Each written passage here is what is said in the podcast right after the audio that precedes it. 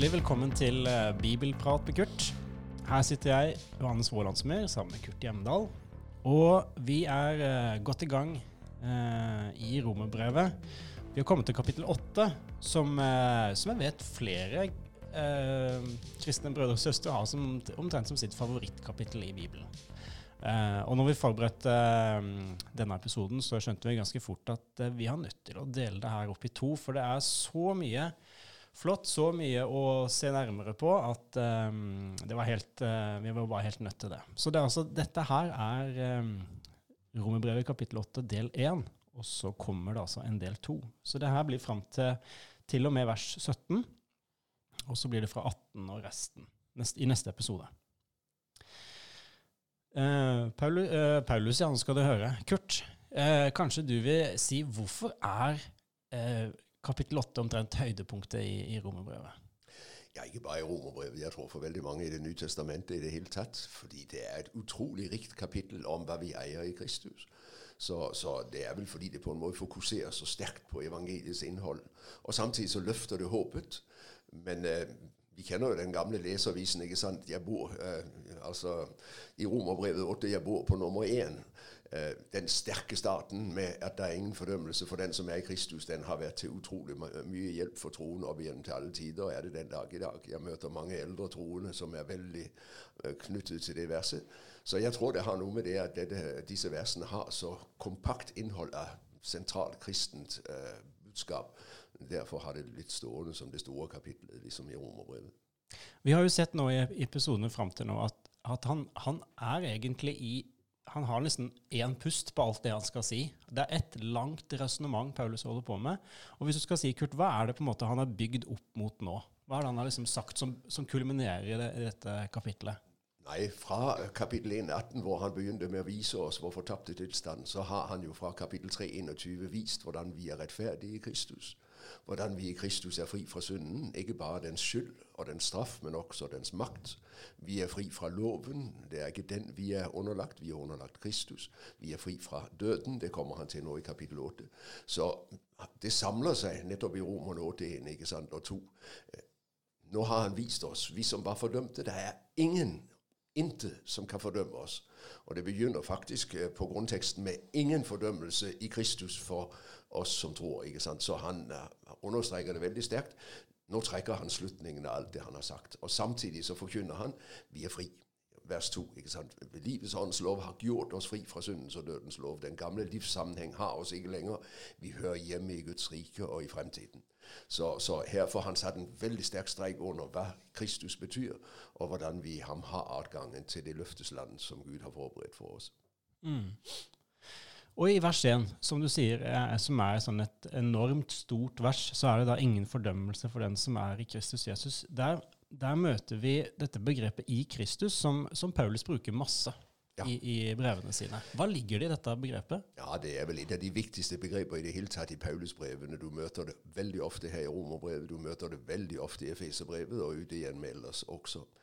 Eh, og det er et nøkkelbegrep. For det å være kristen, det er å være i Kristus. Og det betyr egentlig to ting, hvis jeg skal si det litt enkelt. For det første, ved troen på Jesus er jeg skjult i ham når Guds dom skal ramme meg, så treffer den meg ikke, for Kristus har allerede tatt. Jeg er skjult bak hans brede rygg, og jeg er gjemt i ham, slik at verken djevelen eller Gud egentlig kan uh, ta meg, for, for, her er jeg skjult i hans fullkomne rettferdighet. Så det er det ene. Ved troen er jeg i Kristus. Og samtidig så betyr det at jeg er flyttet inn i et livsfellesskap med Kristus, hvor hans liv er blitt mitt. Jeg er død med ham, så vi i Romerne 6. Jeg er reist opp med ham og har fått del med ham i hans liv. Å være i Kristus Johannes 15 er vel kanskje det eh, sterkeste stedet omkring det, ikke sant? hvor Jesus taler om dette 'jeg er det sanne vintreet'. Så sier han 'jeg er vintreet, det er grenene, den som blir i meg, og jeg i ham'. Å være i Kristus det er å være i et livsfellesskap med ham, hvor hans liv er mitt, og hvor hans skjebne er min, og hvor alt det som er hans, også er mitt. Og det er i Kristus jeg er ny, det er i Kristus jeg er håp, det er i Kristus jeg er rettferdighet. Utenfor Kristus så er alt død og dom og fortvilelse og fortapelse. Så i Kristus, det, er der vi får, måtte, blir trygge for dommen, og, det er også der vi måtte, finner livet og kraften for det nye livet med Jesus. Helt riktig. Ja. Her kan jeg legge fortiden bak meg, og samtidig er jeg gått inn i en ny nutid og fremtid, mm. hvor han er livet mitt, og hvor jeg hver dag har alt det jeg trenger i ham. Og så I vers to så um, møter vi igjen, uh, som vi har hørt innpå tidligere, dette ordet lov, uh, som vi har lagt merke til Paulus bruker kjempemasse, uh, og som da er naturlig tenker jeg, veldig viktig å forstå for å, for å, henge med hva Paulus ønsker å si oss. Og I vers 2 så sier Paulus For åndens lov, som gir liv, har i Kristus Jesus gjort deg fri fra syndens og dødens lov. Ja. Så da er spørsmålet mitt hva betyr åndens lov, og hva betyr syndens lov, og hva betyr dødens lov? Ja. Og der er det veldig det er til å bli forvirret av. For nå har Paulus talt masse om loven i kapittel 7, og så nevner han lov her. Og her betyr lov ikke loven, ikke Moseloven, men her betyr lov øh, det samme som livslov. Altså lovmessighet. Tilsvarende en mm. tyngdelov. ikke sant? Vi Kunne det vært erstatta med ordet logikk? Åndslogikk? Nei, ikke uten videre. For det er en lovmessighet. Det er ikke en logikk, men det er en lovmessighet som gjelder. Alle sammen er vi underlagt tyngdeloven uansett øh, hvis eh, du og jeg kommer ut på kanten av stupet, så faller vi, ikke sant? For tyngdeloven den drar oss nedover. Vi er underlagt tyngdeloven. Og slik sier Paulus, var vi underlagt en lovmessighet som het synd og død. Vi kunne ikke annet enn å synde. Og vi kunne ikke annet enn å dø, for syndens lov, lønn er døden, så vi i 623. Så vi var fanget i en lovmessighet hvor uansett hva du og jeg gjorde, så kom vi ikke fri. Vi kunne hoppe og danse, og vi kunne prøve å være så fromme vi bare vil, og vi satt fast. Og så setter Gud inn en helt ny lovmessighet, nemlig livets åndslov. I Kristus, ved Den hellige ånd, så river han oss løs fra den gamle lovmessigheten og setter oss inn i en ny, hvor livskreftene er så sterke at syndens og dødens lov ikke lenger er i stand til å holde oss nede eller binde oss til fortapelse. Så Gud har satt inn en lovmessighet som frir meg fra den gamle lovmessigheten jeg var bundet under. Mm. I, I, vers 3 så, så er vel på, på sett og vis en, eh, en, forklaring av hva han mener her. Altså Det som var umulig for loven, siden den sto maktesløs fordi vi er av kjøtt og blod, det gjorde Gud. Han sendte sin egen sønn som syndoffer i samme slags kjøtt og blod som syndige mennesker har, eh, ja, som syndige mennesker har, og holdt dom over synden i oss. Eh, så er spørsmålet mitt, Kurt, um, um, flere ting. Men først, hva betyr det at Jesus var et syndoffer? Det er jo et, et et gammeltestamentlig ord. Helt riktig, og du finner det i Tredje Mosebok. Der beskrives alle ofrene, også syndofrene i Israel. Eh, så, og Tilsvarende i 3. Mosebok 16, eh, Jom Kippur, det store sonofferdagen. ikke sant? Der bæres det frem et offer til soning for all Israels synd.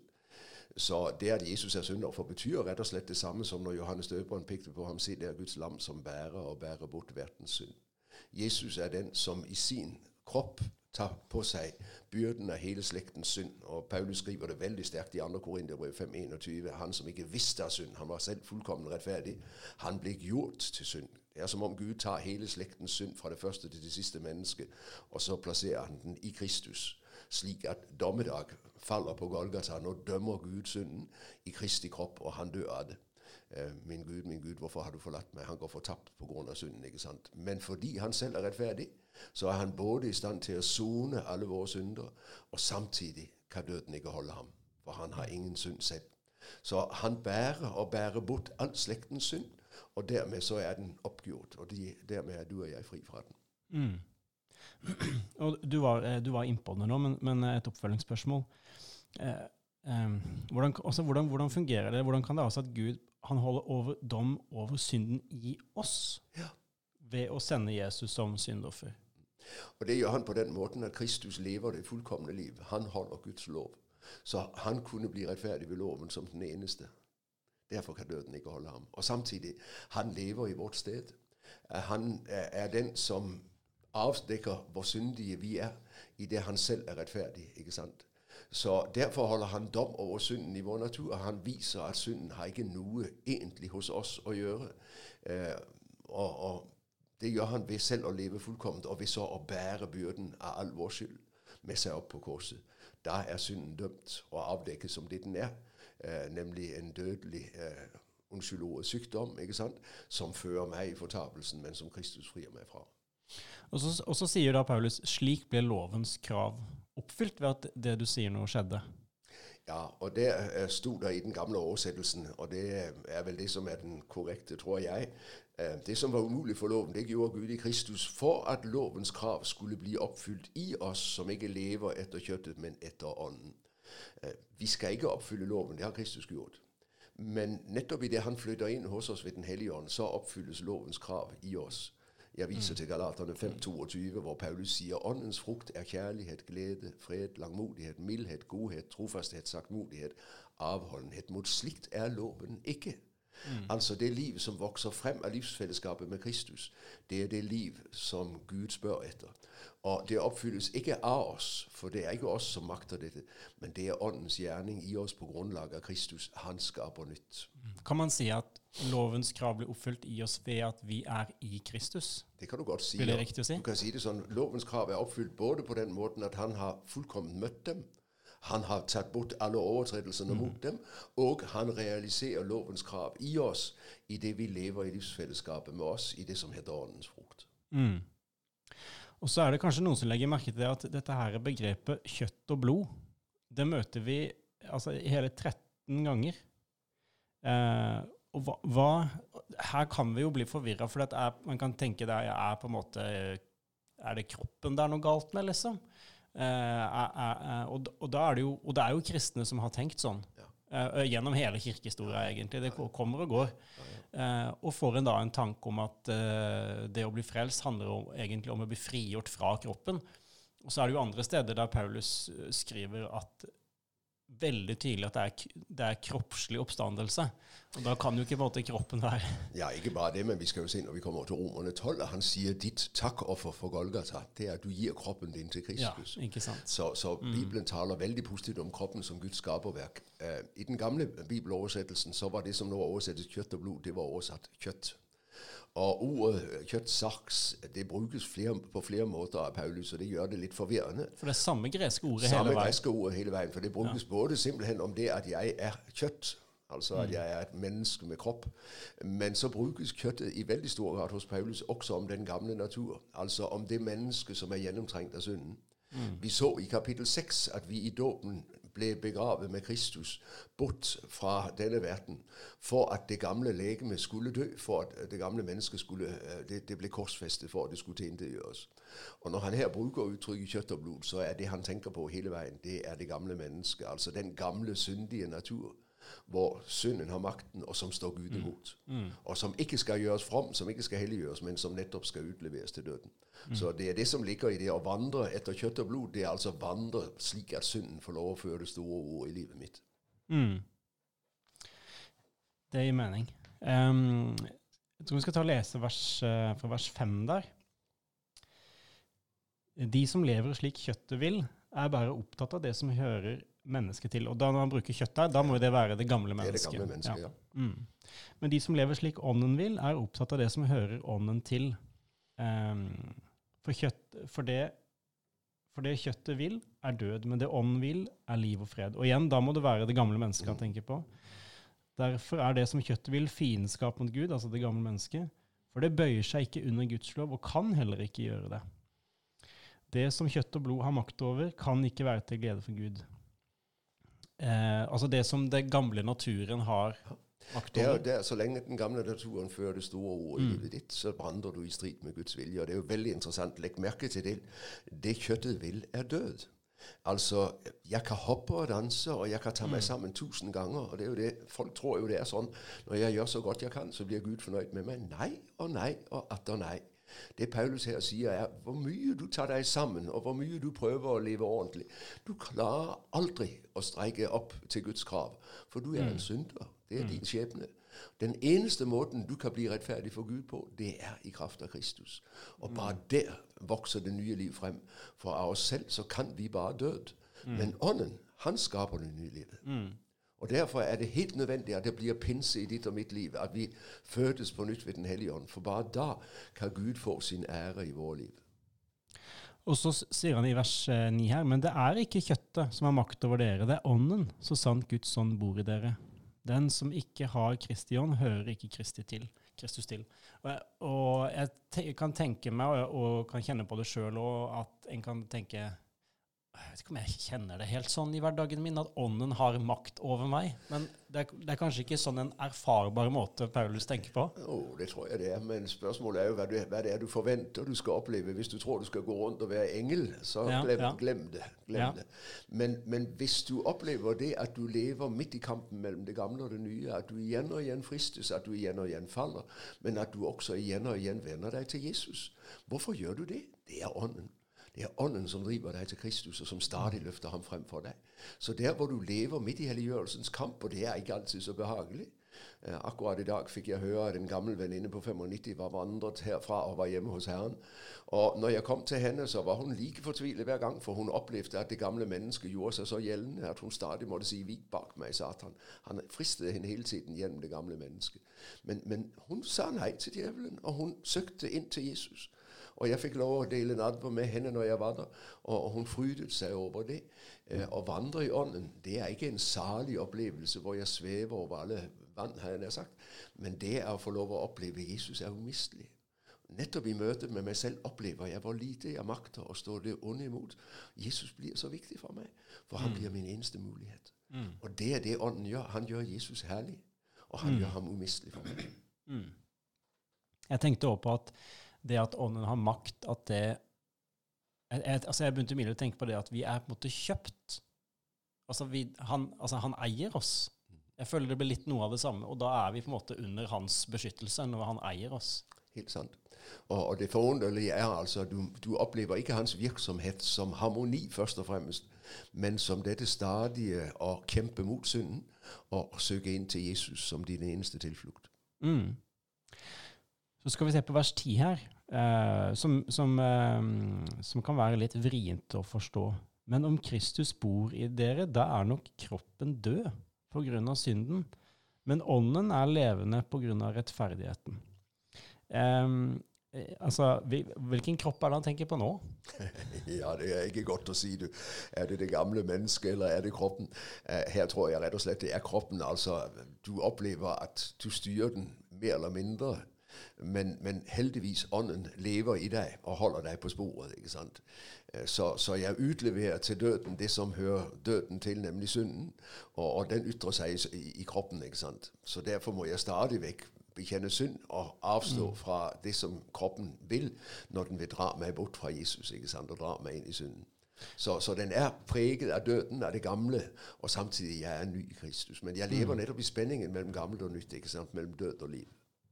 Og jeg, og jeg stusser på det at han sier 'er nok kroppen død'? Altså Det virker som at han er ikke sånn helt sikker når han sier det på den måten. Jo da, den er, den, eh, han, han er ferdig med det gamle. Han er Ja, det. ja, Men, men han merker jo at det rører på seg hele tiden samtidig. ja. Jeg husker noen forklarte at, måte, at eh, den har fått banesår. Ja. Altså det går én vei. Ja, det gjør det. Ja, den kors, det gamle mennesket er korsfestet med Kristus, ikke sant? Så, så det henger og dør. Men det er en smertefull dødsprosess, og det vrir på seg, det gamle mennesket, for å komme ned av korset og for å få lov å utfolde seg. Og derfor så merker jeg altså på den ene siden dødskreftene. Hvis du går over i 2. Korinterbrev 4, så er det et veldig interessant avsnitt, hvis jeg skal få lov å sitere det for deg. Der sier Paulus vi bærer, vers 10 i, i 2. kor 4, vi bærer alltid Jesu død med oss i vår egen kropp, for at også Jesu liv skal bli synlig i den. For ennå mens vi lever, blir vi stadig overgitt til døden for Jesus skyld, for at også Jesu liv skal bli synlig i vår dødelige kropp. Slik er døden virksom i oss, men livet i dere. Men altså, å leve som kristen, det er å dø og oppstå, det er å dø og oppstå. Det er å utlevere til døden det som hører døden til, og samtidig tilegne seg Kristus og vite i ham har jeg livet. Mm, mm. Og når han sier 'men ånden er levende av rettferdigheten', da, i slutten av vers 10 der, eh, ånden, er det Den hellige ånd, eller er det vår ånd han tenker Det er begge deler. Det er begge deler. Ja, for jeg er levende gjort ved Guds ånd. ikke sant? Og Derfor tror, tror jeg faktisk, hvis du ser i vers 10, så står der ånden med liten å. Og det betyr bibeloversettelsene, og bi- regner her med at det er din ånd det dreier seg om. Din Ja. Ånd er levende av at du i Kristus er rettferdig. Så, så på den ene siden opplever du dødskreftene i deg, synden og fristelsen. På den andre siden så opplever du livskreftene som ikke lar deg forsvinne i døden, men som stadig på Mm. kaller deg inn til Jesus.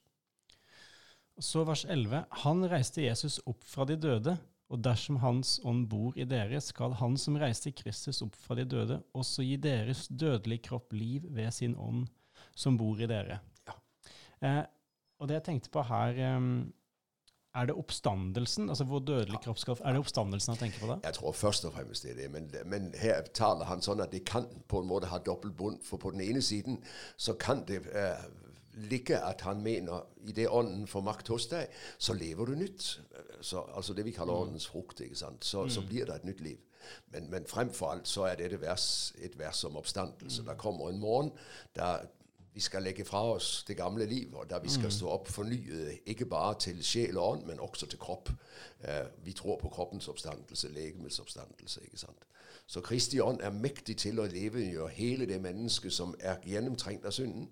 En dag skal det være fullstendig fritt fra synden. Mm.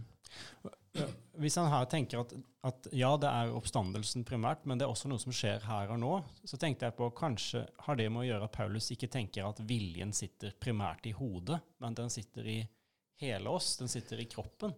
Ja, du kan jo plassere den i hodet eller i hjertet eller hvor du vil, men i hvert fall så er det jo hele mennesket som er underlagt synden, og det er hele mennesket menneske. som frigjøres i Kristus. ikke sant? Det er nettopp ikke bare en side ved meg. Ja, ikke Det er ikke sånn at det halve av meg er gamle mennesker, og det halve er nye mennesker. Det er hele meg som er gjennomtrengt av synden, og det er hele meg som er gjenskapt i Kristus. Mm. Eh, og så vers 12. Derfor, søsken, skylder vi ikke vårt kjøtt og blod noe, så vi skulle leve slik det vil. Eh, for hvis dere lever slik kjøttet vil, skal dere dø. Altså hvis, hvis vi på en måte lar det gamle mennesket regjere, på en måte, eller ha makten. Ja. Men hvis dere ved ånden dreper kroppens gjerninger, skal dere leve. Og det lurte jeg på, Kurt. Hvordan i verden ser det ut å ved ånden drepe eh, og kroppens gjerninger? Da må det være det gamle mennesket, da. Det gamle menneskets gjerninger. Mm. Hvordan ser det ut? Det ser ut på den måten. Hvis vi bekjenner våre synder, er Han trofast og rettferdig, så Han tilgir oss syndene og renser oss fra all urett. Når jeg lever i lyset, slik 1. Johannes 1,7 taler om det, så er det at det gamle mennesket dødes. For der legger jeg ikke eh, hånden over og unnskylder, men der vedkjenner jeg meg mine synder. Og idet jeg bekjenner dem, så får jeg lov å tro syndenes forlatelse, og så mister de makten hos meg. ikke sant? Så det å leve eh, det nye liv ved ånden, eller altså som her, ved ånden drepe kroppens gjerninger, det handler om rett og slett å leve i sannheten og leve i lyset. Både på den måten at jeg bekjenner synd, og på den måten at jeg vet hvor mine svake punkter er, og derfor prøver å unngå de steder hvor jeg vet jeg altfor lett fristes og faller i fristelse. Eh, har jeg levd en stund som kristen, så vet jeg nå om hvor jeg har mine svake punkter. Og da ber jeg om nåde til å ferdes slik at jeg ikke egger synden frem og gir den rom, men prøver å unngå den. Eh, jeg merker meg at når jeg er opptatt med å for, for å forberede meg til forkynnelse, når jeg preker, når jeg leser i Bibelen, eh, så har synden liksom ikke, fristelsen ikke de samme sjanser som hvis jeg setter meg ned foran TV-en og slår på noe som inneholder eh, negative tanker eller porno eller noe sånt, ikke sant? for det vil dra meg bort fra Jesus. Så det er noe med hvordan disponerer du tiden din, hvordan bruker du livet ditt. Hvordan, Når du blir, skal holde fri, gir du da rom for ting som du vet i virkeligheten vil føre deg bort fra Kristus, eller gir du rom for noe som fører deg nærmere Kristus? Og her lever du og jeg hele tiden. Helliggjørelsen er ikke en slags eh, nåde ferdig foran oss, som i rettferdiggjørelsen alt er, alt er ferdig. I, I helliggjørelsen er jeg kalt i funksjon ved Den hellige ånd til å si nei til djevelen og til å si ja til Jesus. ikke sant? Mm. Og i, i vers 14 så møter jeg der begrepet å være drevet av Guds ånd. Nettopp. Og det er å være drevet av Guds ånd. Det er ikke en overveldende følelse av kjærlighet, men det er noe med å leve under åndens driv slik at jeg sier nei til det som fører meg bort fra Jesus, og sier ja til det som fører meg hen til Jesus. Og I den sammenheng har jeg lyst til å understreke vers 12. Husk nå at regningen er betalt. Vi skylder ikke vårt kjøtt og blod noe. For det har Kristus gjort opp for. Og vårt kjøtt og blod det er korsfestet med Kristus. Det er ferdig. Det har ingen rett lenger. Det hender iblant at det skjer feil i regnskapssystemene, og så plutselig så får du en regning du har betalt en gang til. Da er det viktig at du kan vise at du har betalt den. At du har kvitteringen. Og jeg har på Golgata og i min dåp fått kvitteringen på at Kristus har betalt for meg. Hvorfor i all verden da begynner å betale om igjen, som om kjøttet har krav på meg, og som om djevelen har krav på meg? Nei, vekk med deg, djevel. Alle regninger er betalt. Kom deg ut. Mm, mm, mm. Det er et veldig fint bilde. Eh, og så snakker Paulus om hva slags ånd vi har fått. Ikke en ånd som fra vers 15 her. Dere har ikke fått en ånd som slavene har, så de ønsker å være redde. Nei, dere har fått en ånd som gir rett til å være Guds barn. Eh, ja. Den samme som gjør at vi roper 'Abba, far'. Eh, og det her er et veldig eh, utrolig flott bilde, altså med den, den, måte, den, frykten som slavene har. Nei, det er ikke en sånn ånd. Eh, og så har du det her med, som ligger bak her, dette her med adopsjonsrett. altså det her var vel noe en kjent sak i, uh, I Romerriket? Ja, i Romerriket var det slik at hvis en rik romersk borger adopterte et eller annet fattig menneske, så ble han innsatt med fulle rettigheter som om han var født i huset. Mm. Så adopsjonsretten gir fullkommen de samme rettigheter som om du var født. Mm. Og, og, det er en rett Paulus kjenner godt til. Mm. Så vi er adoptert inn som Guds barn pga. Kristus.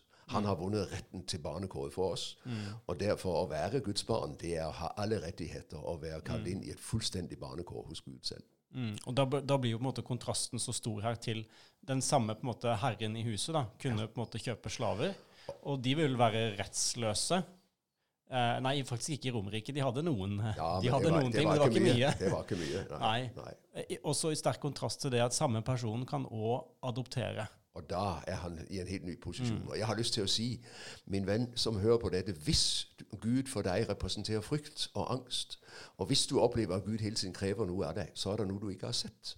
Da må du se og få tak i evangeliet, for da lever du på lovens plan med en farlig Gud istedenfor å leve med den gode himmelske Far. Den som er Guds barn, han ser med glede opp i Guds ansikt og sier 'kjære far', og vet at han møter Guds smil for Kristi skyld.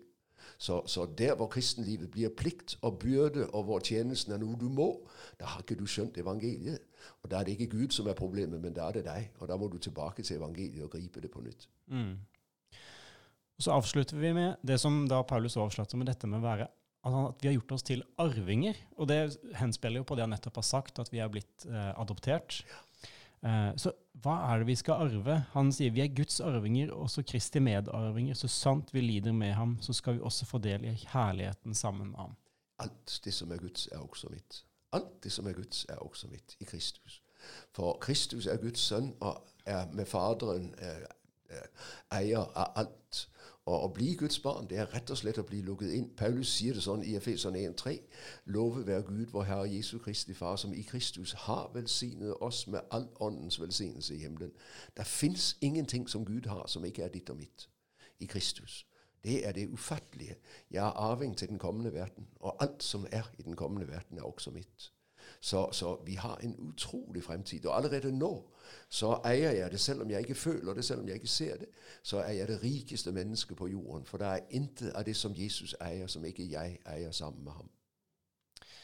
Takk skal du ha, Kurt. Det var altså Romerne kapittel 8 del 1, og så kommer da straks eh, del 2. Vi gleder oss til det. Var det gildt å høre på denne podkasten, må du gjerne gi en gave til Nordmisjon sitt arbeid, f.eks. på VIPS med nummeret 94272, eller besøk oss på nordmisjon.no agder.